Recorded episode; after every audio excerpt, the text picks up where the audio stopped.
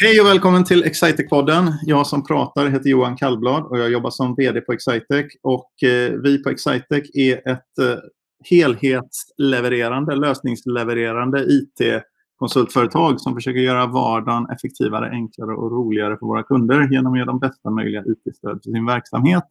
Och på den här podden så är det jag för det mesta som pratar med eh, kollegor eller samarbetspartners eller kunder någon gång ibland eh, och eh, olika sorters vänner till Excitec för att ge en liten inblick om hur livet på Excitec är. Och idag har jag tagit med den vännen till Excitec som har namngivit vårt allra största konferensrum. Och det är ingen mindre än eh, journalisten Fredrik Strage. Hej Fredrik! Hej, vad roligt att vara med i Excitec-podden. I'm so excited. Du, jag sa fel. Jag hade tänkt att, Fredrik, jag hade tänkt att säga att det är nämligen ingen annan än poddprofilen Fredrik Strage. Ja, jag, jag är väl en, lite av en poddprofil också. Eller jag försöker vara det. Jag var så sen med att börja podda tyvärr. Att jag, jag avfärdade det som, som dåligt redigerad radio i väldigt många år. Ja, men annars är dåligt redigerad radio, är ju, det, skulle man kunna säga, Excitec-podden. Det är mer närradio i Excitec-podden för en lite mindre målgrupp. Ja, men det är det som är poängen, att, att det blir mer närvaro och att det är oredigerat. Att du känner att du verkligen får kontakt med personer. Jag hade svårt att förstå det från början, för jag, jag, jag är så pass gammal att jag, när jag har varit med i radio har det ofta varit väldigt, väldigt koncentrerat och kärnfullt.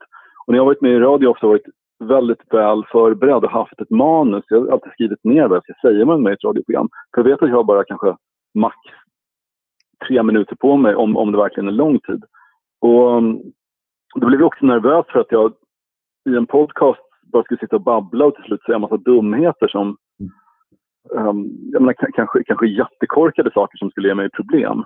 Ja. Så det var därför jag, jag var lite rädd inför podcasten som, som medium överhuvudtaget. Sen när vi startade hemma hos Strage, min podcast, så i och med att den startade så sent, det var för fyra år sedan när det kändes som om alla redan hade poddar, då hade vi också en idé om att själva konceptet var att artister hälsar på hemma hos mig och dricker kaffe och pratar om sina favoritlåtar. Men från början så lät vi dem intervjua mig istället för tvärtom.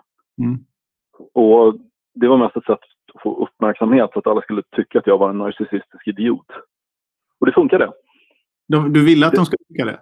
Ja, jag ville att de skulle tycka det. För det, det skulle, jag visste att det skulle ge uppmärksamhet i, i medier. Jag visste att folk skulle börja prata om podcasten och tänka, vem tror han att han är den där sofianten? Ja, och det var ganska många som, som gjorde det. Så vi körde en, en tre, fyra avsnitt och artister intervjuade mig. Men även ett ämne som Fredrik Strage som kan tyckas outtömligt har ju sina gränser. Så ja, vi la ner det ganska snabbt. Men du Fredrik, jag har några stycken frågor. Jag behöver inte vara så specifik, men jag fick en association som, inte, som kom alldeles för tidigt. Men eftersom jag glömmer bort den annars i ett sånt här samtal. Så det här med att tro, det här, det här har jag haft lite som sådana ledarskapsgenerika eh, eh, för övrigt. Eh, vi, eller så här kan jag också säga, för att placera dig. Vi är ju eh, ungefär lika gamla. Och eh, vi Eh, så vi kan ju ha samma populärkulturella gamla referensramar liksom, om hur det var. Vi är åtminstone... Ja, vi, vi, födda samma år tror jag, 72 ja, eller hur? Exakt. Ja. Och sen så är du, eh, jag bor ju i Linköping nu och du är uppvuxen i Linköping och sådär. Så några lik, likheter finns ju. Liksom, vi tycker ju båda liksom att eh, för det fall att vi skulle att vi skulle erkänna att vi gillar Lasse Winnerbäck, vilket vi naturligtvis egentligen gärna gör, så, så refererar vi till någon spelning med snoddas på någon fritidsgård. Liksom, i, lite, och nu är du mycket folklig, liksom, för du är ju post det tror jag, så du ju, kan ju vara liksom mer, mer folklig än vad jag är som fortfarande måste hävda mig i populärkulturella sammanhang. Så, men lite, det, det, så här, man skulle kunna kalla din smak ibland för lite smal. Eh, har nog hänt någon gång att någon har sagt det. Men ja. jag vet att den egentligen inte är smal, för du gillar ju så väldigt mycket olika saker. Så väldigt mycket bara. Jag, jag gillar väldigt många olika typer av smal musik. Ja, ja precis. Så, men... så om, man, om man lägger ihop all smalhet så kanske man får en, en, en tjocklek. Så, nu blev det nästan som att jag inte intervjuade dig utan, utan, eh, utan berättade om dig. Men det, det, var det som jag egentligen hade. Så, så skillnaden är ändå, så det är ju ändå, i huvudsak om man tittar på dig och mig och karriärval så är vi i huvudsak liksom inte samma. För jag jobbar ju i det här så kallade näringslivet och du gör ju du också egentligen fast med en helt annan eh, annat anslag till det. Men jag tänkte det här med att tänka att man är, så i din del av världen så har du tänkt så här, eller som du sa, att du, alla andra har redan podcast så det, det är nog för sent. Och det tycker jag går som en liten röd tråd för min del. Jag bara inser nu så här mitt i livet att det är ganska sällan som det är för sent och göra någonting som är bra. Det händer hela tiden i våra affärer. Jag trodde fakturahanteringssystem, det är, nu är det lite smalt här då i andra änden, sånt som vi gör. Jag trodde elektronisk fakturahantering var, var, var färdighanterat. Eh, 2005 ungefär trodde jag att det går inte att lansera sådana lösningar längre. Och det, har aldrig liksom, det växer med 30% per år fortfarande, den, eller 25% per år, den branschen. Det, det tror jag händer jätteofta att man gör om, man ligger liksom, om, om det är ett område som man har lite koll på så ligger man liksom och känner av det och då hittar man någon ny trend och då tror man att trenden både har kommit och gått innan den ens har blivit mainstream oavsett om det är populärkultur eller programvara för administrativ verksamhet som man håller på med. Det är helt sant och man kanske inte ska tänka för mycket på det. För om man skapar någonting och gör det väl så oavsett om du skriver krönikor eller, eller om du underlättar elektronisk fakturahantering. Om, om du ser till att det, att det görs väl så kommer det förhoppningsvis att funka. Ja, och, det, det, är väl, och så finns det någon gång när man är sådär 75 liksom, så kommer man väl inse att vänta lite, jag skulle följt min passion ännu mer. Och sen alla självhjälpsböcker som någonsin har skrivit så står det liksom sida 1 kapitel 1, följ din passion. liksom. Så kommer vi plocka upp Paolo Coelhos Alkemisten och säga att svaret finns inom det. Liksom. Oh, no shit. Ja. Ja, jag, jag, tror, jag, tror, inte ens att det är för sent vid 75. Min pappa fyller 80 här om några veckor. Han, han fortsätter att utbilda sig och läsa kurser och läsa nya böcker och lära sig nya saker. Han, han är väldigt um, framåtskridande. Jag har väl kanske mer tendens att göra ungefär samma sak hela tiden för att jag inte kommer på något roligare att göra.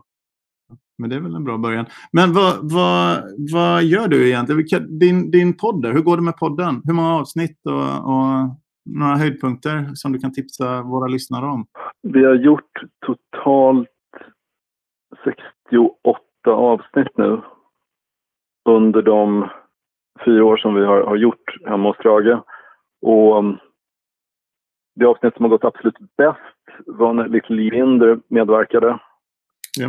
Och uttryckte sig så skabröst att Camilla Läckberg tyckte att hon var en dålig feminist. Och sen blev det ett bråk på Instagram mellan Camilla Läckberg och Little Jinder, även i dagstidningarna och överallt hänvisades till, till min podcast. Så då fick vi väldigt fina lyssnarsiffror. Annars har jag märkt att de avsnitt som har funkat bäst har ofta handlat om artister som påminner om lyssnarna. Det vill säga vinylsamlande män. det, det, det, är många av de avsnitten som, som eh, alla som är med är, är popstjärnor på något sätt men de kanske inte är Robin eller Beyoncé utan de är Dennis Lyxzén, sångare i Refused. Mm. De älskar att köpa skivor. Eller Mikael Åkerfeldt, sångare i Opeth.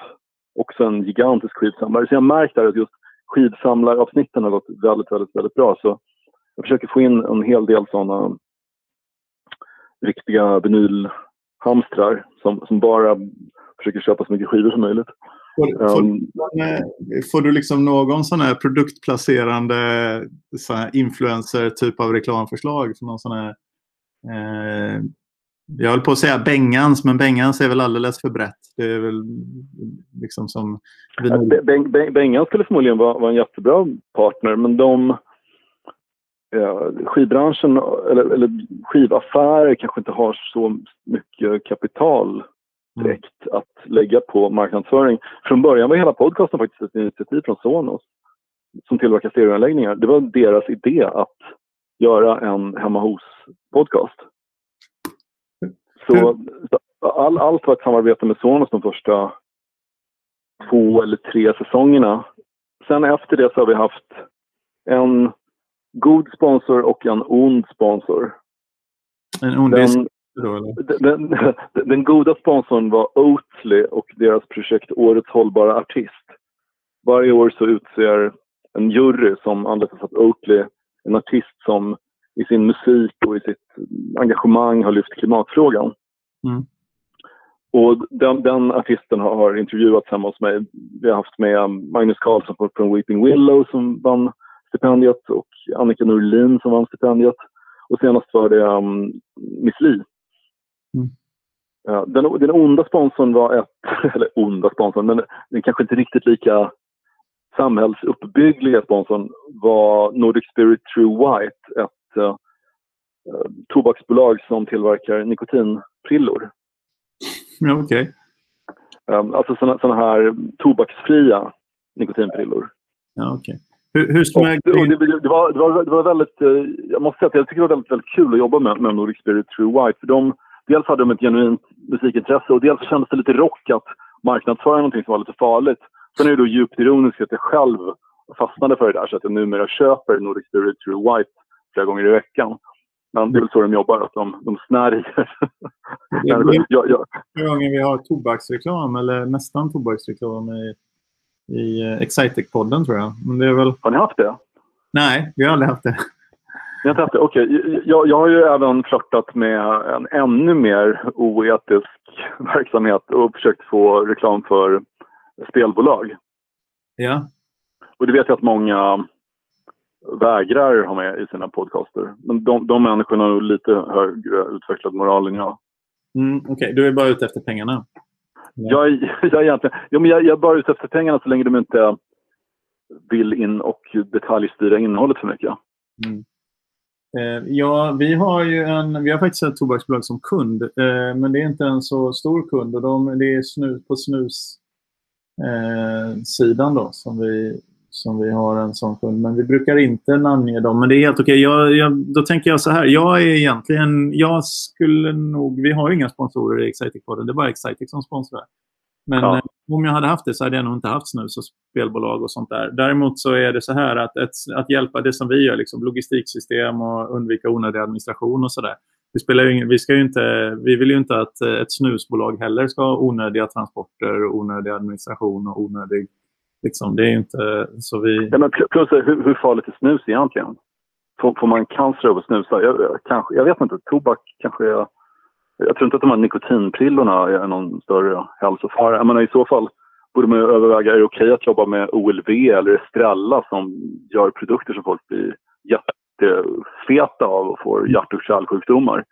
Det är egentligen ett lika stort problem. Den är jättesvår den här helhetsbilden tycker jag i, i vad man ska... Vad vi ändå har, jag tänkte på det med, med coronan här, då, samtalsämne i tiden som man i och för sig har tröttnat kanske ganska rejält på. Men det är fruktansvärd eh, sjukdom för de som drabbas hårt av det naturligtvis. Men om man tittar på liksom dödligheten, det vi har. Jag, jag slog upp någonstans att tobak sägs att det dödar 12 000 personer per år i Sverige.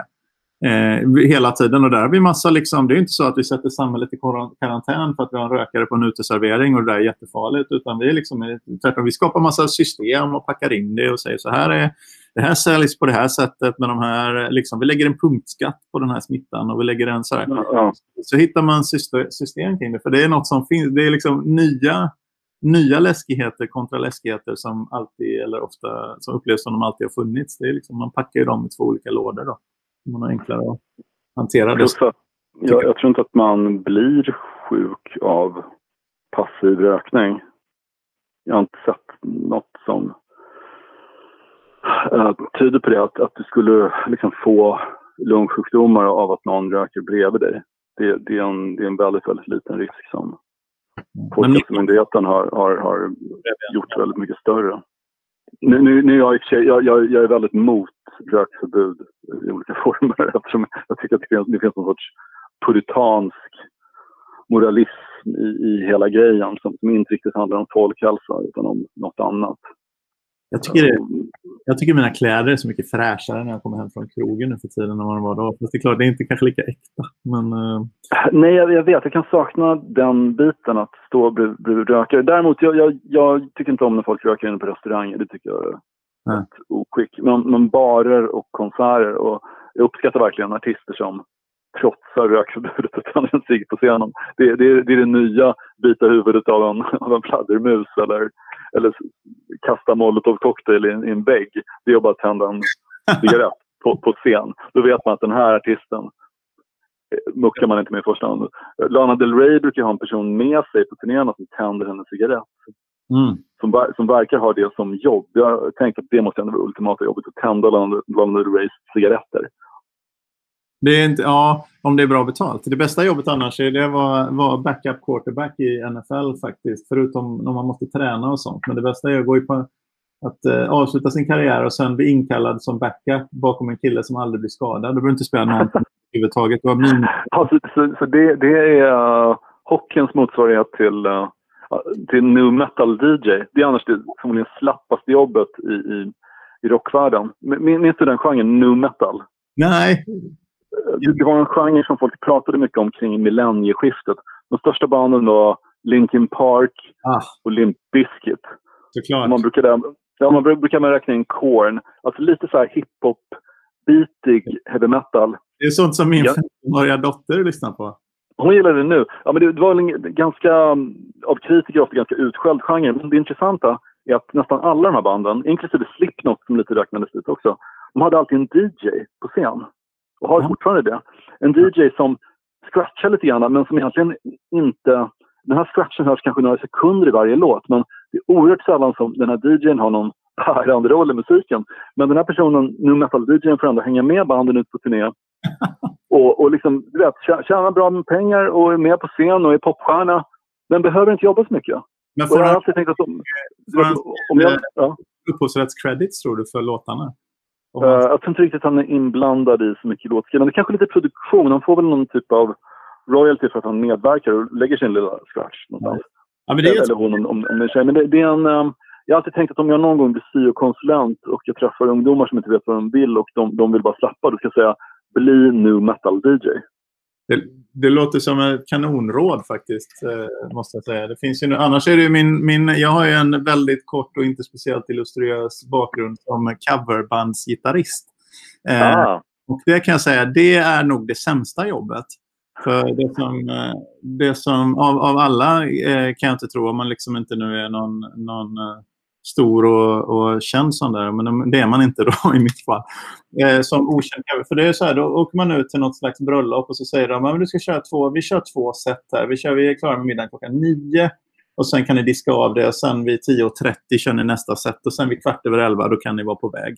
Liksom, absolut. Så eh, åker man ut dit och roddar grejer och bär sina egna, man har inga roddar, man bär sina egna grejer. Och, och så ställer man upp och soundcheckar och sådär. Sen kommer man tillbaka klockan nio ut till den här hembygdsgården där de ska ha det här bröllopet. Och så säger de ah, vi är lite sena med middagen. Men ni kan... de är alltid sena med middagen. det är som är så många tal. så får man en mellanöl och så får man sitta så kan man inte... Så kan, man kanske kunde få mer öl, men jag, jag kunde aldrig spela om jag hade druckit för mycket. Så, att, så att då får man sitta där i någon trapp och vänta i, i en och en halv timme medan de käkar, käkar klart middagen. Sen spelar man första setet, men då är alla så trötta. Alla vill bara vara ute och röka och, och heja och snacka så spelar man första setet för ingen publik. Sen väntar man i en timme och sen kommer man in och spelar ah, andra setet och då är det fullt röj. Och sen kommer eh, några, nu ska jag inte ens säga några, några vad heter det, personas här, men vi kan säga några av lyssnarna kommer då fram och börjar säga först, de kan inte köra något som alla kan. Och så börjar de komma med förslag då på, på lite som när man DJar, fast svårare för att som coverband så har man ju ändå repat in, även om du kanske kan 80 låtar, liksom, och så spelar du, har du tänkt att spela 30 av dem så är det ändå liksom, man får faktiskt hålla sig till de 80. Man har inte liksom 10 miljoner låtar. Det går inte bara att sätta på en annan låt. De tror att du är Spotify. Ja, ja men det är det. Ja. Strax efter det så, så ska man så man klar liksom två timmar efter att man har tänkt och sen ska man åka, åka hem. Så får man då, så får man efter lite truga om lite betalning så får man lite, så får man 1200 spänn per näsa eller något sånt där. Jättedåligt. Eh, och sen eh, så blir man nervös för sina instrument. Liksom, så för man hade tänkt att lämna dem där till dagen efter, men så vågar man inte för folk är så packade så man tror att de kommer att förstöra en. Så stannar man till hela festen är klar så man får rodda allting igen. Det är det sämsta jobbet av alla tror jag. Det är intressant att de här bröllopen... Jag, jag DJar på ganska många bröllop. In, inte i år, men jag har gjort det många gånger. Och timmarna som jag har suttit i restaurangkök och väntat på att få börja DJa för att talen drar över. Det är alltid så att du dyker upp i en viss tidpunkt när de har sagt att du ska, att du ska ha dansgolv. Men så vet du att de är inte ens i närheten. Mm. Det, det, det, är till och med så att brudens far håller sitt tal när jag dyker upp. Och då vet jag att okej, okay, jag kommer inte börja spela skivor förrän om fem timmar. Men vad, vad, vad, vad heter ditt coverband? Nej, jag vill inte kommentera det. Eh, men eh, nej, men eh, vad heter det? Det var länge sedan, men det har inte ändrats alltså. Kan man... Kan man nej. Jag kan skicka det på PM om någon vill ha. Men du, eh, vad heter det? Du är, jag ska säga, varför är du med på Excitec-podden? Du är ju en, en vän till Excitec, tror jag. Och, och, och även tipsa. Vill du, vad, vad, vad är vår relation? Vill du prata något om den? Alltså, vi, vi, är, vi är grannar. Eller vi hade varit grannar om inte jag hade flyttat hemifrån. Det är du och jag. Bor, Eh, men, eh, ja, min, mina föräldrar bor mitt emot dig i Linköping och från mitt gamla pojkrum som är helt intakt, alla affischer ser ut alla affischer sitter kvar sedan jag flyttade hemifrån 1992. Så från det rummet ser man rakt in i ditt kök. Ja, det är sant. Det, det stämmer också. Så, men... sen, sen var jag med på en uh, smått legendarisk Excitec Kickoff i Nyköping för två och ett halvt år sedan snart. Då jag föreläste om popkultur och sen spelade skivor på en hejdundrande fest där folk också kom fram och önskade. Och jag brukar alltid bli lite så här, när folk kommer fram och vill höra låtar. Men på den här festen, då ville folk höra Gesaffelstein, en fransk techno-DJ som jag älskar. Jag hade, inte, jag hade knappt tagit med någonting med honom för jag tänkte att det lär väl kanske inte behövas. um, tänkte jag fördomsfullt. Och istället så fick jag så många önskningar om superintressant dansmusik att jag verkligen fick Eh, jag plockade fram datorn och langade över mp3 som jag egentligen inte hade lagt in på mina USB-minnen. Så av någon anledning så har ni, har ni en företagskultur som uppmuntrar, eller som främjar intressant musiksmak. Vi främjar ju, ja, men vi har haft också en av våra HR-killar ehm, faktiskt, den som står för kompetensförsörjning. Han, han har ju haft också, han är ju ganska, ja Mats har du träffat, Stegerman, men han är också känd från Excitec-podden, men han eh, har ju även ett sånt här intresse för österbottnisk musik. Och det är lite speciellt, för det är bara han och jag som... som du är inte heller inne på öster... Du är inte så mycket inne på finsk. På finsk, på finsk musik? Ja, jag gillar väl Hanoi Rocks som alla andra gamla sleaze metal-bandet och sen Pansonic och annan knastrig techno från Finland. Och men just, just den österbottniska scenen har jag inte riktigt koll på faktiskt. Ja, den är så. Det, det är ju... Eh, eh, det, han påstår att det finns ett österbottniskt eh, musik, eh, musikunder och det är väl inte så många som, har, som, som bekänner sig till den tron. Att det finns ett sådant. Men eh, det, är lite, det låter lite... Ja, men de sjunger ju gärna... Ibland sjunger de på svenska till och med. Så att, eh. som, som jag tycker att Finland har flest heavy metal-band per capita i hela världen. Ja, det förvånar Följt av Sverige. Det, det är ju ett musikunder också. Men är de i, som han har också, är det liksom, är de i glamstuket? Eh, deras Nej, det är mycket, mycket, mycket mer som um, um, Nightwish.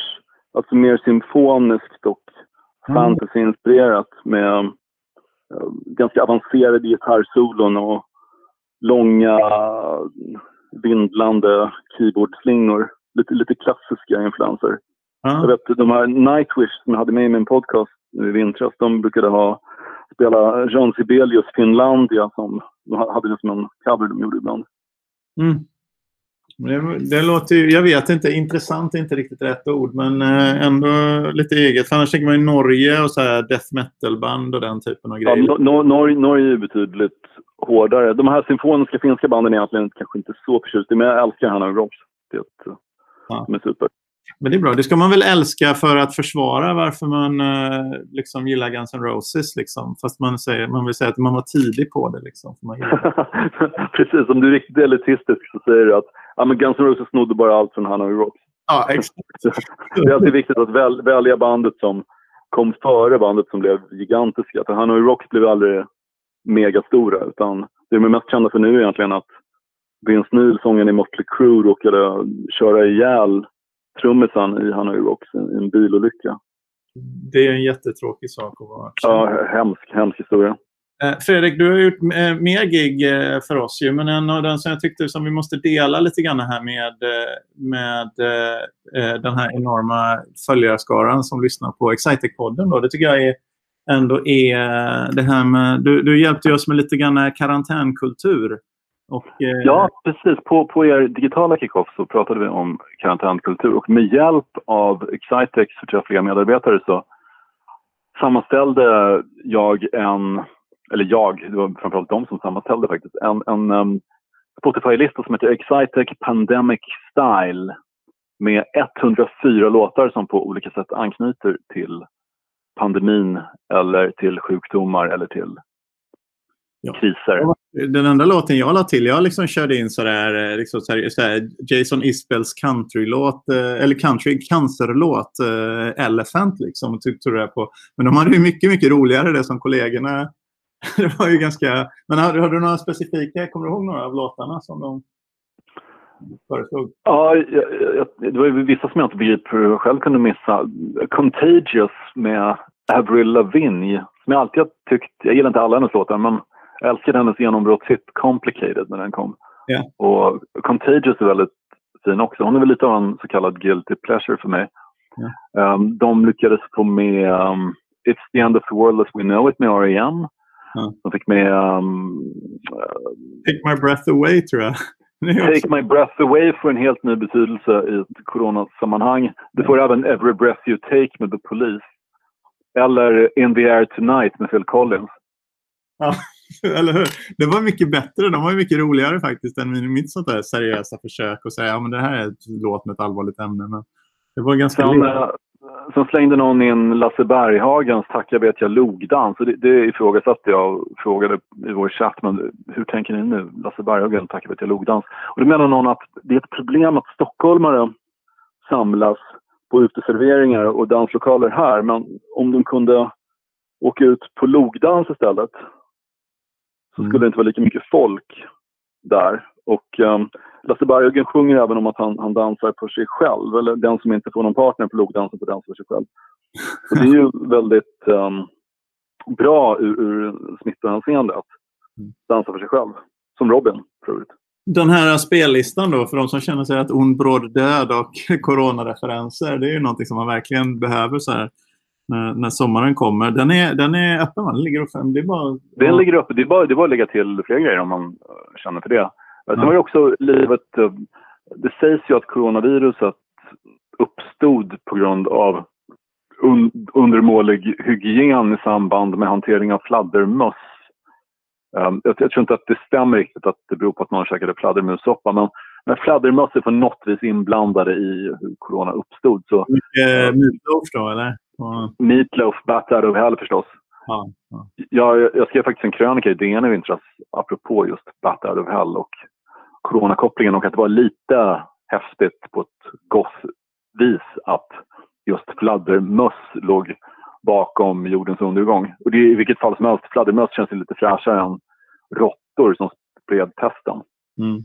Men det här, eh, för det är väl någonting om man ska, vara, ska koppla tillbaka till dig några ord. Vi har ett kontrakt med våra lyssnare som är att vi försöker inte köra så jättemycket mer än en halvtimme. Men ibland så bryter jag det kontraktet. Eh, och det känns som att vi gör det nu för vi har hållit på i en stund. Där, men vi får se. Men eh, ska vi väl eh, klippa bort lite slask också. Men jag tänkte på om vi ska prata lite grann mer om, om dig när du är vänlig nog att, att vara med. Men den här äh, bak... För du gjorde ju en positiv krönika om, äh, om fladdermöss i en tid när det inte...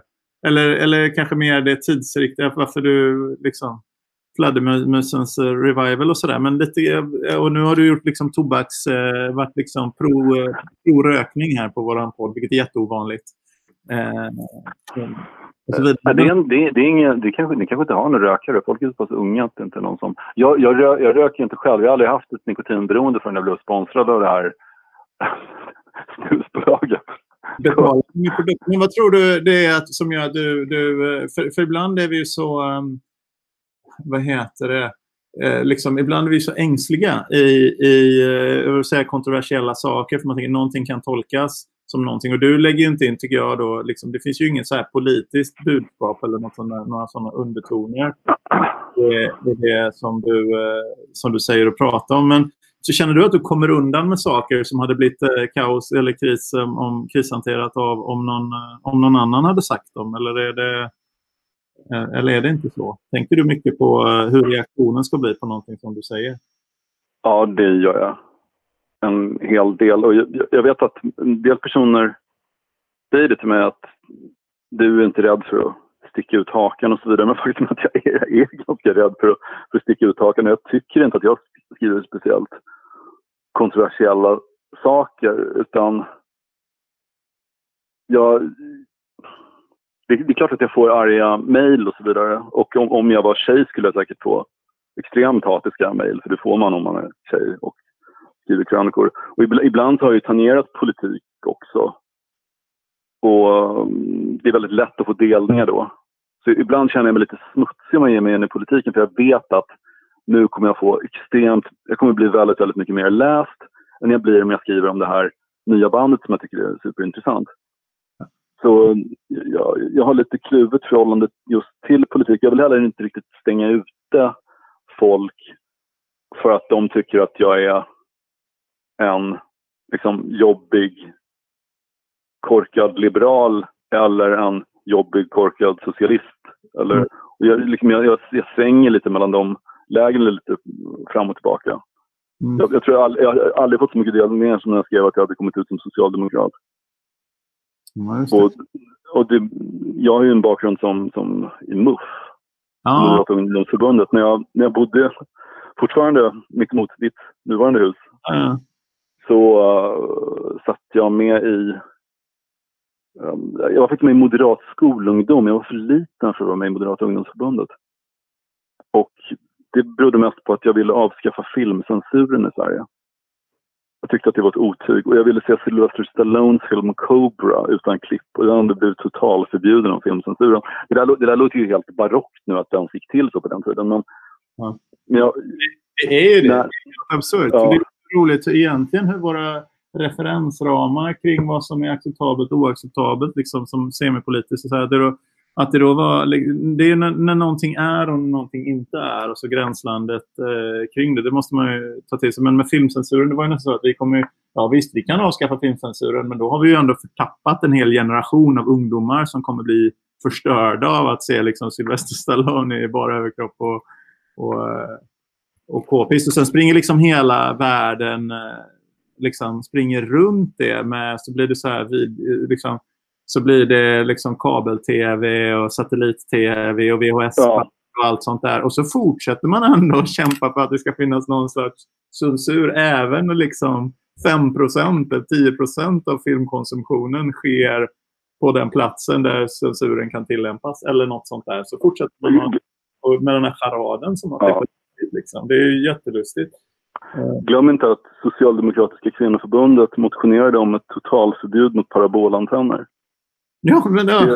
Det, ja, det, det, det, säger någonting om takhöjden i den debatten. När folk nu pratar om moralpanik, folk kan börja snacka om moralpanik för att någonting har blivit kritiserat, men det är inte en moralpanik. En riktig moralpanik är när nästan hela samhället unisont fördömer någonting och avvikande röster knappt hörs. Och så var det under den här videovåldsdebatten. Men jag, jag, är samtidigt tacksam för det, för det triggade mitt filmintresse så mycket. Mm. Jag blev så ofantligt mer intresserad av, av film som medium tack vare debatten om, om videovåld. Det, här tror jag också att vi kult, liksom, kulturreferensmässigt är väldigt lika. För det var liksom då man hade så här, det heter han Dario Argento eller något sånt, Night of the Living Dead och såna här, Om jag bara från top of my mm. head jag kan inget om det här du är, du är kalenderbitare på sånt där. Men man satt och tittade på såna här äh, halvskumma och liksom The Thing oklippt eller något sånt där. Som för övrigt är en bra film. Ja. Ja, men om, och, och de, de namn du nämner nu, jag menar Night of the Living Dead tror jag är inkluderad i det här Library of Congress i, i Washington. Den anses vara så viktig som, som film. Och jag, Dario Argento är inte amerikan, men hans filmer är också jag menar, definitivt filmhistoria nu. Det kom en otroligt bra remake av hans bästa film Suspiria häromåret som, som du verkligen borde se. Extremt vacker. Han, Dario Argento skriver att måla upp sinnessjukt vackra bilder. Hans styrka var ju inte riktigt intrig, för några av filmerna hänger inte riktigt ihop. Men, men det är så vansinnigt vackra bilder att hans bildspråk har, har inspirerat massor av uh, modefotografer till exempel. Han, han, är, han är lite så skräckfilmsvärldens Helmut Newton om du känner till den, den mode, modefotografen. Ja, ja. Så, så, så det, där, det, där det där har ju faktiskt blivit finkultur. Ja, men jag hade nästan... Nästan. Det, det var ju mer intressant. Jag hade kunnat tänka mig någon form av... Så, så, så, jag då som, liksom, som el- elitistisk men lågmäld kultur, eh, kulturkonsument. Då. Eh, Jag kan tycka mer någon, någon borde faktiskt förbjuda liksom, den 14 Marvel-seriefilmen eller något. För jag, alltså, någon här. Det måste finnas någon plats över för något intressant. Och det är ändå lustigt. Ja, ja, jag, jag, jag är också trött på de där. Men um, jag, jag, blev framförallt, jag tröttnade framförallt efter att ha sett Netflix-serierna baserade på Marvel-hjältar som jag tyckte var sinnessjukt bra nästan allihop. Mm. Och efter, att ha sett framförallt tredje säsongen av Daredevil som inte kändes som en Marvel-filmatisering, det kändes som en, som en, en fusion av Marvel och Martin Scorseses The Departed. Det var, det var så spännande att uh, efter att ha sett tredje säsongen av Daredevil så blev alla Avengers-filmerna lite överflödiga. För det är, det är inte spännande på samma sätt. Men det är, det är fascinerande då med den, den utvecklingen som är. För nu är liksom tanken med alla streamingtjänsterna tanken på att vi skulle sätta någon central funktion och bestämma vad som är bra och dåligt och sen censurera och ta bort en del av det intressanta nu. Som, liksom, äh, om, om, man hade hört, om man hade hört det så hade man sagt ja, vad de håller på i Saudiarabien eller liksom i, i Kina, det borde de ju sluta med. Men det var Sverige för 25 år sedan. Liksom. Det, det Ja, samtidigt så, så försvinner ju väldigt kända filmer av, av andra anledningar nu. Man, man tycker att de är moraliskt tvivelaktiga för att de är gjorda i en liksom, rasistisk kontext. Som uh, Borta med vinden till exempel, som det var HBO som hade tagit bort den nu. Eller de skulle förse den med någon sorts brasklapp om att den här filmen är gjord i en annan tid. Och, Men det det är finns väl okej att göra det. Och om, om, om upphovspersonen bestämmer sig för att jag vill inte att den här boken ska finnas utgiven längre, då, då är det en sak. Eller att den här filmen ska inte finnas tillgänglig längre. Men när filmbolagen själva går in och ändrar saker i produkter som vänder sig till, till vuxna, alltså inte, inte så att, att ändra i Pippi Långstrump är jag övertygad om att Astrid Lindgren skulle gjort själv. Men när... Det hade inte varit eh, kungar av den karaktären. I, jag läste den ganska nyligen eh, för min yngsta son. Eh, Ja. man liksom, men jag, jag däremot, min äldsta son, han är ju 21. Ju, eh, och, och, jag har väl läst, säkerligen läst Pippi Långstrump för honom också och inte reagerat lika mycket som jag gjorde nu. Så man ändrar ju sin... sin Precis, allt, allt sånt förändras hela tiden. Men det där, är, det där är svårt, eller så är det inte så svårt. Jag har bara nog inte tänkt så mycket på hur man borde göra. Men jag är också helt säker. Alltså, Lindgren hade naturligtvis tagit bort eh, n-orden ur... Eh, Ja, men det, det, det, håller jag med om. Men däremot tycker jag att det som sker i USA är väldigt obehagligt. För där, där finns det ett liksom, väldigt hårt, en väldigt hård strävan efter, efter konsensus att kultur ska vara ren och man ska rensa bort det som ja, det, inte det, är är- tillräckligt moraliskt. Du ska ta bort liksom, Michael Jackson för att han kanske var pedofil. Du, du ska inte lyssna på R. Kelly för att han var, ja gud vad. Ehm, och det, det är ett problem att Gary Glitters Rock'n'Roll Part 2 spelas i Joker-filmen för att han var pedofil. Det tycker jag snarare var okej, vilket briljant musikval för att det blir extra obehagligt av den vetskapen. Och Joker är en fullblodspsykopat och massmördare. Vilken låt skulle kunna vara mer perfekt i den här scenen när han dansar i trappan? jag, har svårt, jag är inte så insatt i det där. Jag, jag har svårt att, att liksom, diskutera det fullt ut Ja med dig. Men jag tycker ändå hela, jag tycker samma. Jag, jag, jag råkade snubbla på för 15 år sedan eller någonting var jag och reste runt i USA lite grann och snubblade in på någon, eh, på någon eh, eh, vad heter det, stand-up comedy-föreställning som, var, som liksom knockade mig, som var helt fantastisk. Det var av en, en slump jag råkade se den. Och sen några år eh, senare så såg jag den här killen på, på, i något annat sammanhang. Och så, han som jag har råkat sett och sa shit, den här har jag ju sett live liksom för några år sedan. Och så var det Louis CK då. Som är, Ja, oj, såg du honom live alltså? Oj, Ja. grej. jag har haft den här relationen till Louis. Jag tycker det är liksom askul och tvärtom. Jag är inte så att man säger ja ah, just det, och det här är en värdering som jag ska stå för. och så där. Man tycker bara det är sådär skruvat liksom utan att vara skrikigt på något sätt. Jag tycker det, det är härligt. eh, och, och, sådär. och sen är han ett arsel eh, privat. Och nu ska, du, säga, nu, ska det inte, nu ska man inte få titta på Louis, Louis CK specials. Liksom. Och det är som, ja, men den bästa stand-up comedyn som har gjorts kanske. Eller tyckte jag i alla fall då, med min begränsning. ett ännu större problem är ju när komiker som har en, en de skapar sig en persona som har vidriga åsikter men det bygger på att de egentligen inte riktigt tycker så. Utan, eh, min favoritkomiker är nog Sarah Silverman som jag tycker var, var helt otrolig för, för tio år sedan. Mm. Och hon, hon sa ju fasansfulla saker och såg ut som en gullig, liten trevlig judisk flicka. Och det, det, bygger mycket på den sortens kontraster. Jag tycker att ja, Jonathan Lehmann, om man ska nämna en svensk komiker, gör ju det väldigt bra. Ja. Han, han, han, låter som, som en snäll dagisfröken när han pratar och säger fullständigt sinnessjuka saker. Absurda grejer. Men, det, ja. men det är, jag tycker vändningarna där är, är otroliga faktiskt. Jag kan knappt rekommendera dem på Exciting-podden här heller. Men vändningarna i, i några av hans skits där är helt otroliga. Så, ja, fantastiskt. Eh, intressant. Och det vill man ju, för, eller säkert vill säga, det där vill man ju, ska, vill inte att någon annan ö, överhet ska säga att nej, det här är inte rent nog för att lyssna oss på. För det där ändrar sig ju hela tiden vad det som är, är rent nog. Nu, känns det, nu är vi väldigt lite på digitalisering av fakturaflöden, Fredrik. Ja, men alla de här standup-komikerna måste ju förr eller senare fakturera. Och faktum är att Jonathan Lehmann har en lång standup-rutin som handlar om hans usla ekonomi, att han, han sällan har pengar och det beror på att han inte fakturerar. För han förstår inte varför han ska fakturera. Och folk säger till honom, men Jonathan du måste fakturera. Han säger, varför ska jag göra det? Jag har ju jobbat klart. Jag är klar med mitt jobb. Jag ska inte behöva skriva en faktura. Det är klart jag inte vill göra det. Och då kan Excitec genom att underlätta digital fakturering hjälpa en sån komiker att fortsätta. Så skulle vi kunna ha gjort. Self-billing skulle man ha på det. Och det, det, är en funktion som finns som vi använder, som, som många av våra kunder använder. Inte jättemånga, men, men en del kunder använder. Man har det som en funktion så att du istället, om jag till exempel köpte en, en föreställning, en DJ-jobb av Fredrik Strage. Ja.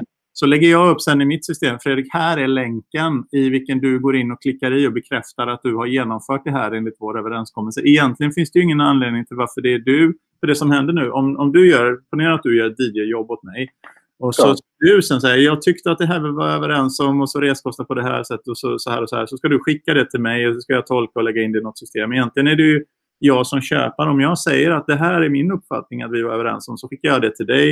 Eh, och så, så, så säger du mig, ja men det stämmer, klick. Och så sker det. Det kallas liksom self-billing-funktioner. Eh, enkelt, enkelt, smart grej.